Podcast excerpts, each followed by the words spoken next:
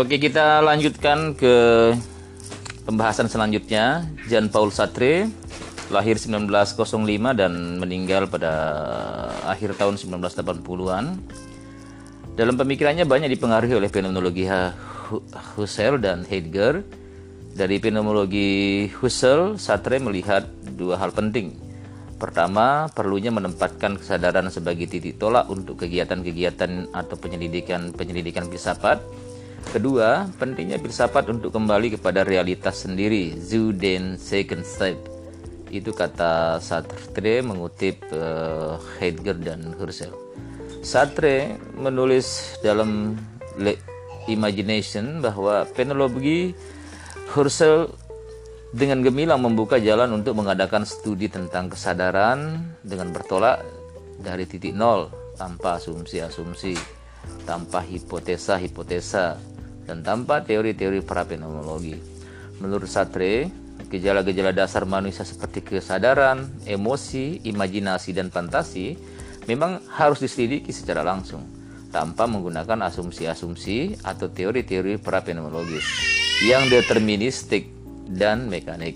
Akan tetapi, di samping pengakuannya tentang fenomenologi Husserl, ia mengecam idealisme Husserl yang tidak realistik di mana kesadaran tidak dihubungkan dengan adanya dunia.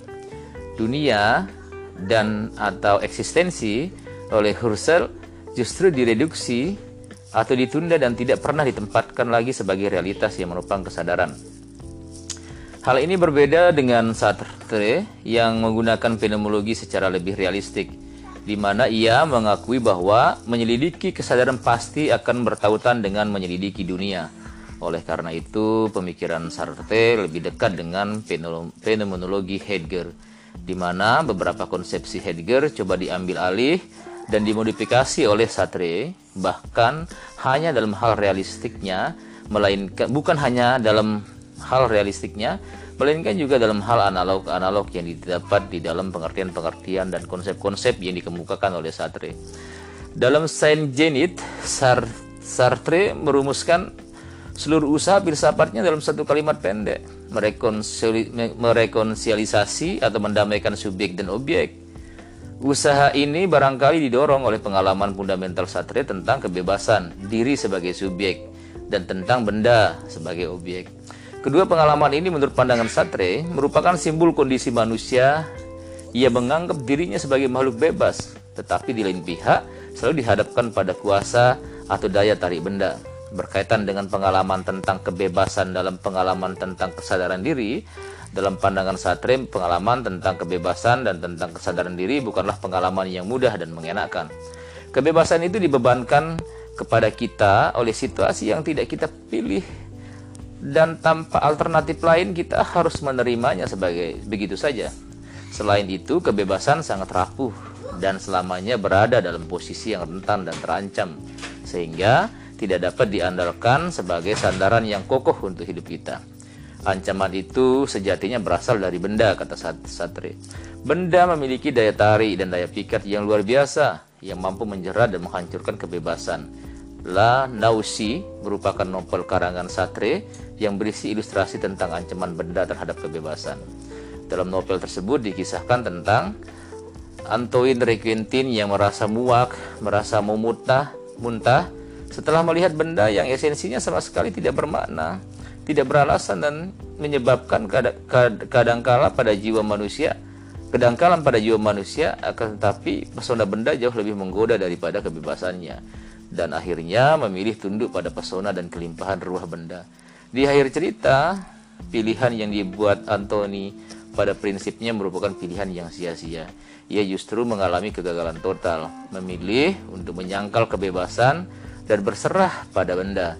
Ternyata tidak bisa lepas begitu saja dari kebebasan dan tanggung jawab. Kebebasan tidak dapat kita nafikan atau kita najiskan begitu saja karena ia adalah takdir yang telah dan akan selalu ada mengikuti kemampuan kita pergi. Pengalaman tentang kebebasan dan tentang benda tersebut mewarnai seluruh pemikiran Sartre tentang awal hingga akhir karir filsafatnya. Kedua, pengalamannya tersebut membawa Sartre pada pandangan dualistik yang terkenal, dualisme antara ada yang subjektif dan ada yang objektif antara por soa dan ensoa antara kebebasan dan ada dan antagonisme dari kedua instansi atau kelembagaan tersebut diusahakan oleh Sartre dengan untuk direkonsiliasikan dalam filsafatnya. Francis Jensen telah mengadakan penelaahan hampir seluruh karya dari biografi Sartre mencoba memahami antar dualisme Sartre dan alasan Sartre, mengupayakan rekonsiliasi antara kebebasan dan benda yang dianggapnya saling bertentangan itu menunjuk pada dua tema lain dari pemikiran Sartre yaitu haram jadah dan ke kebanggaan. Di dalam biografi Sartre ditemukan tema dasar hidupnya yang tragis karena masa lalunya sebagai anak yatim yang dibesarkan dan sepi dan dinginnya perpustakaan kakeknya yang keras kepala. Ia meyakinkan dirinya bahwa eksistensi adalah tidak ada, tidak sah, tidak pada tempatnya, tidak dikehendaki dan sebagainya. Nah, kita. Sudah 6 menit.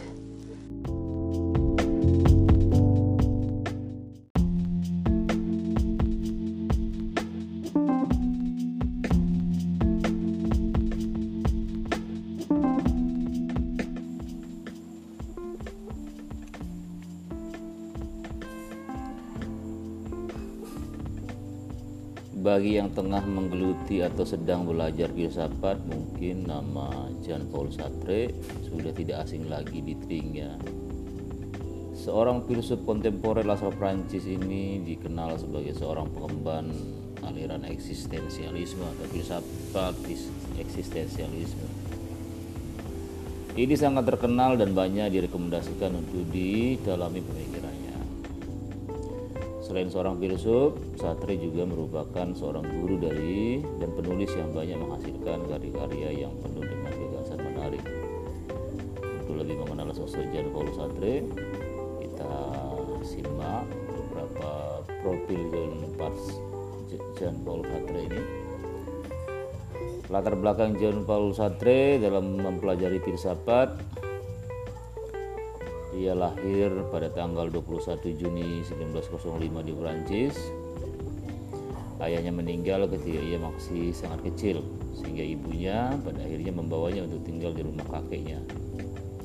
Ia merupakan dari saudara Albert Schweitzer, seorang teolog, dokter, serta filsuf yang juga merupakan penerima penghargaan Nobel. Jadi kakeknya Sartre inilah yang merupakan orang pertama yang mengenalkan satre pada literatur. Ketika banyak dewasa, ketika beranjak dewasa, Sartre mulai tertarik pada ilmu filsafat setelah membaca isai dari Henry Pearson yang berjudul Time and Free Will serta Sartre mempelajari banyak sekali mata pelajaran seperti sejarah filsafat, filsafat umum, sosiologi, dan etika sebelum akhirnya ia berhasil mendapatkan gelar doktor pada ilmu filsafat. John Paul Sartre sangat dekat dengan hubungan non monogami yang dimilikinya dengan Simon de Beauvoir yang merupakan penulis, filsuf dan feminis yang cukup terkenal. Mereka berdua pertama kalinya bertemu pada tahun 1929 ketika mereka sama-sama tengah belajar untuk ujian di Paris. Jean Paul Sartre dengan Simon selalu saling mendukung perkembangan diri serta pemikiran satu sama lain sehingga menjadikan mereka sebagai salah satu pasangan yang powerful.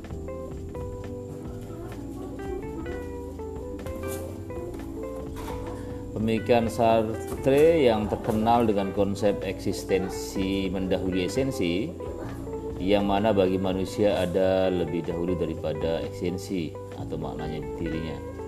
Karenanya ia menyatakan bahwa manusia sebenarnya terlahir tanpa memiliki apa pun.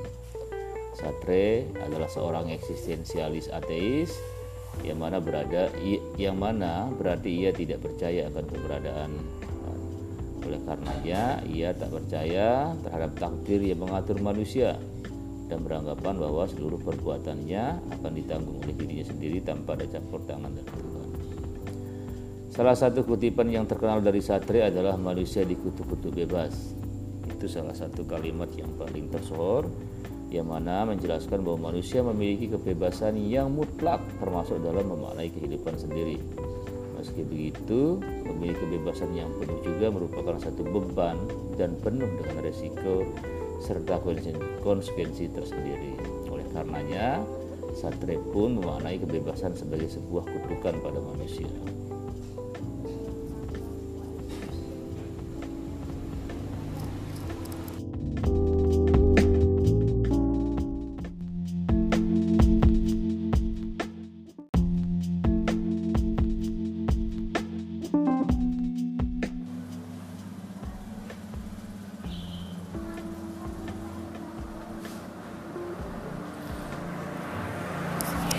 Satre sejak kecil hidup dalam lingkungan yang religius, tapi justru kebalikannya, ia anti dengan agama dan Tuhan. Dia mengembangkan filsafatnya dengan corak ateis. Corak filsafat Satre dibangun dan dipengaruhi oleh rasionalisme dari idealisme Hegel, rasionalis yakni dari Descartes, Immanuel Kant, Hegel sampai fenomenologi Husserl dan Martin Heidegger. Filsuf-filsuf tersebut sangat penting nilainya bagi Sartre. Namun, dalam tulisannya, ia kerap melontarkan kritik-kritik terhadap mereka.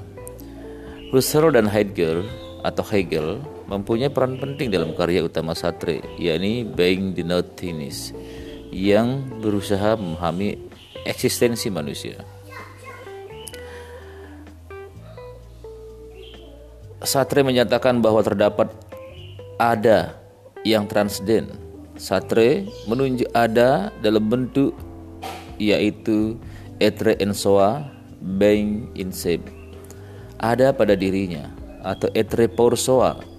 Ada bagi dirinya. Etre ensoa identik dengan dirinya.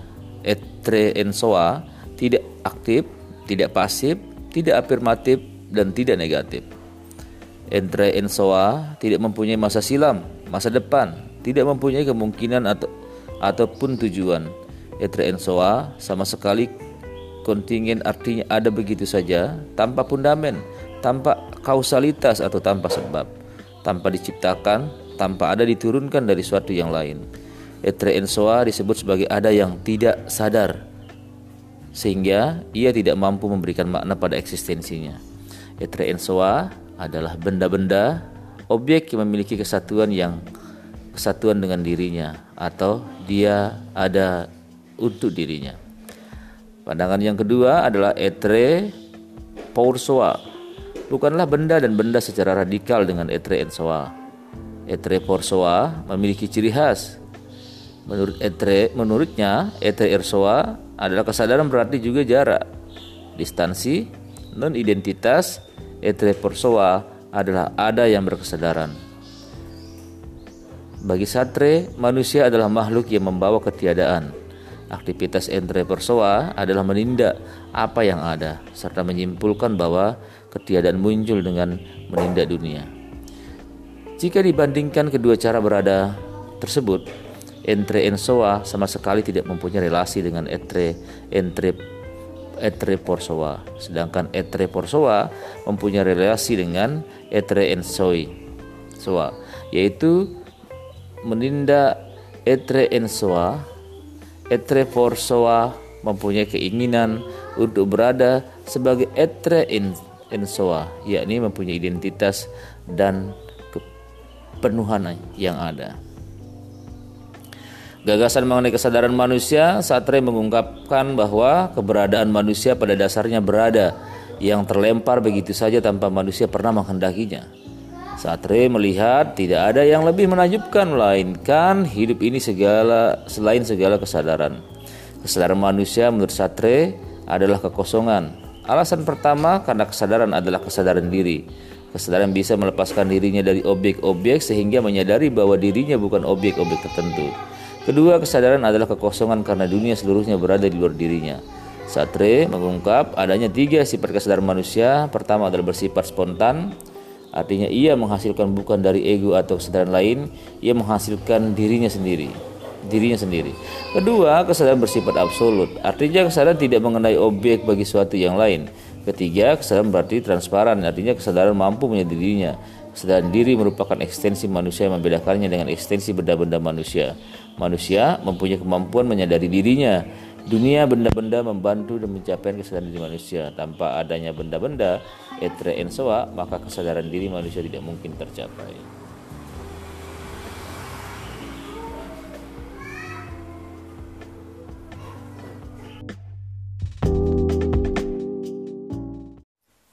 Jangan ribut.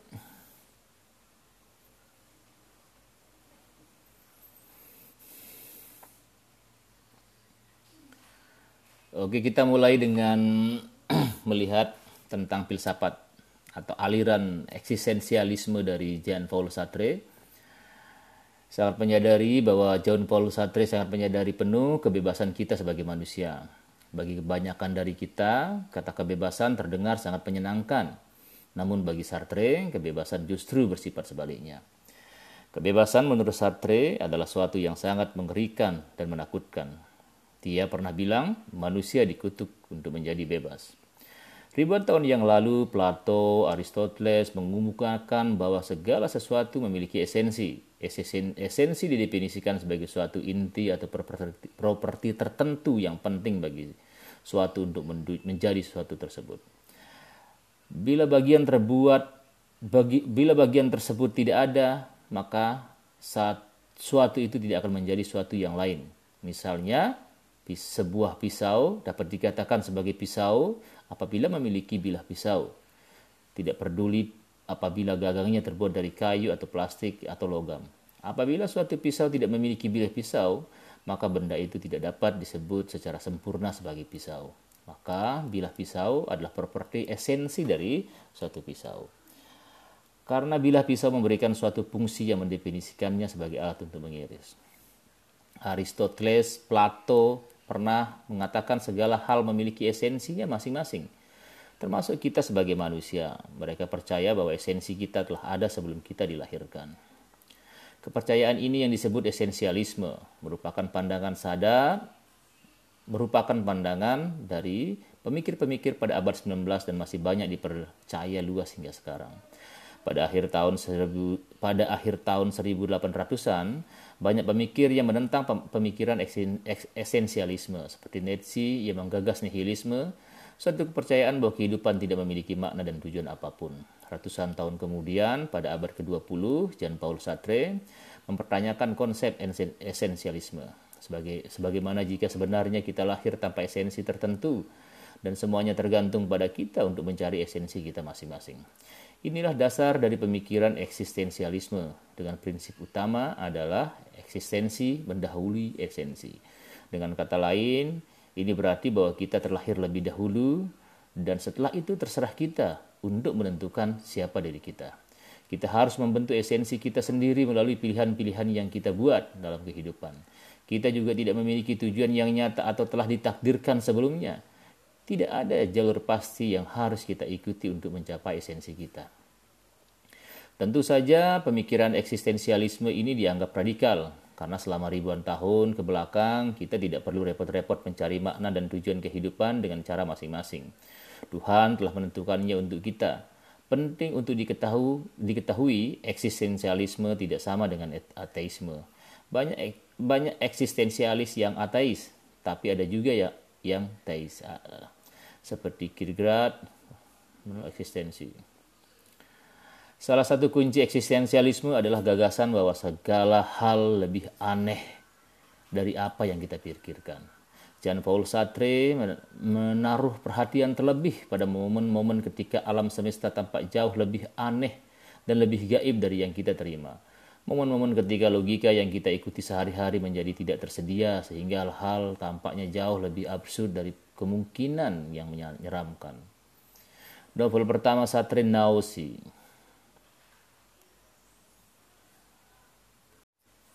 Jangan ribut.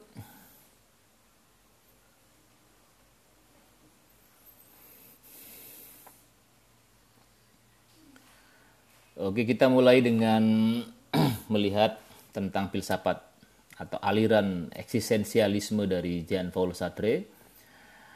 Sangat menyadari bahwa John Paul Sartre sangat menyadari penuh kebebasan kita sebagai manusia. Bagi kebanyakan dari kita, kata kebebasan terdengar sangat menyenangkan. Namun bagi Sartre, kebebasan justru bersifat sebaliknya. Kebebasan menurut Sartre adalah suatu yang sangat mengerikan dan menakutkan. Dia pernah bilang, manusia dikutuk untuk menjadi bebas.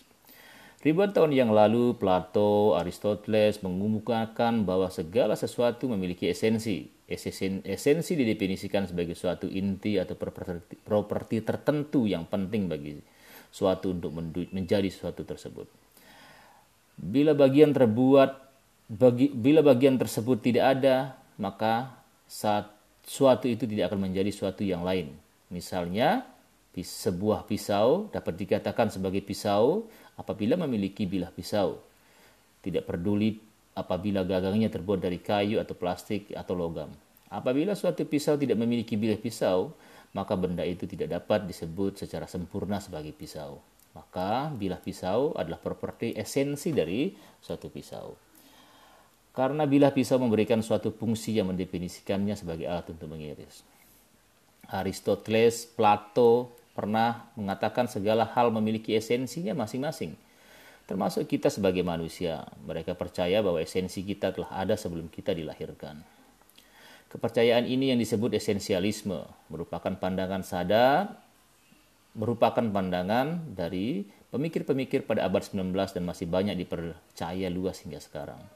Pada akhir tahun pada akhir tahun 1800-an, banyak pemikir yang menentang pemikiran esensialisme seperti Nietzsche yang menggagas nihilisme, suatu kepercayaan bahwa kehidupan tidak memiliki makna dan tujuan apa pun. Ratusan tahun kemudian, pada abad ke-20, Jean Paul Sartre mempertanyakan konsep esensialisme. Sebagai, sebagaimana jika sebenarnya kita lahir tanpa esensi tertentu dan semuanya tergantung pada kita untuk mencari esensi kita masing-masing. Inilah dasar dari pemikiran eksistensialisme dengan prinsip utama adalah eksistensi mendahului esensi. Dengan kata lain, ini berarti bahwa kita terlahir lebih dahulu dan setelah itu terserah kita untuk menentukan siapa diri kita. Kita harus membentuk esensi kita sendiri melalui pilihan-pilihan yang kita buat dalam kehidupan. Kita juga tidak memiliki tujuan yang nyata atau telah ditakdirkan sebelumnya. Tidak ada jalur pasti yang harus kita ikuti untuk mencapai esensi kita. Tentu saja pemikiran eksistensialisme ini dianggap radikal karena selama ribuan tahun ke belakang kita tidak perlu repot-repot mencari makna dan tujuan kehidupan dengan cara masing-masing. Tuhan telah menentukannya untuk kita. Penting untuk diketahui, diketahui eksistensialisme tidak sama dengan ateisme. Banyak banyak eksistensialis yang ateis, tapi ada juga ya yang teis. Seperti Kierkegaard eksistensi. Salah satu kunci eksistensialisme adalah gagasan bahwa segala hal lebih aneh dari apa yang kita pikirkan. Jean Paul Sartre menaruh perhatian terlebih pada momen-momen ketika alam semesta tampak jauh lebih aneh dan lebih gaib dari yang kita terima. Momen-momen ketika logika yang kita ikuti sehari-hari menjadi tidak tersedia sehingga hal-hal tampaknya jauh lebih absurd dari kemungkinan yang menyeramkan. Novel pertama Sartre Nausea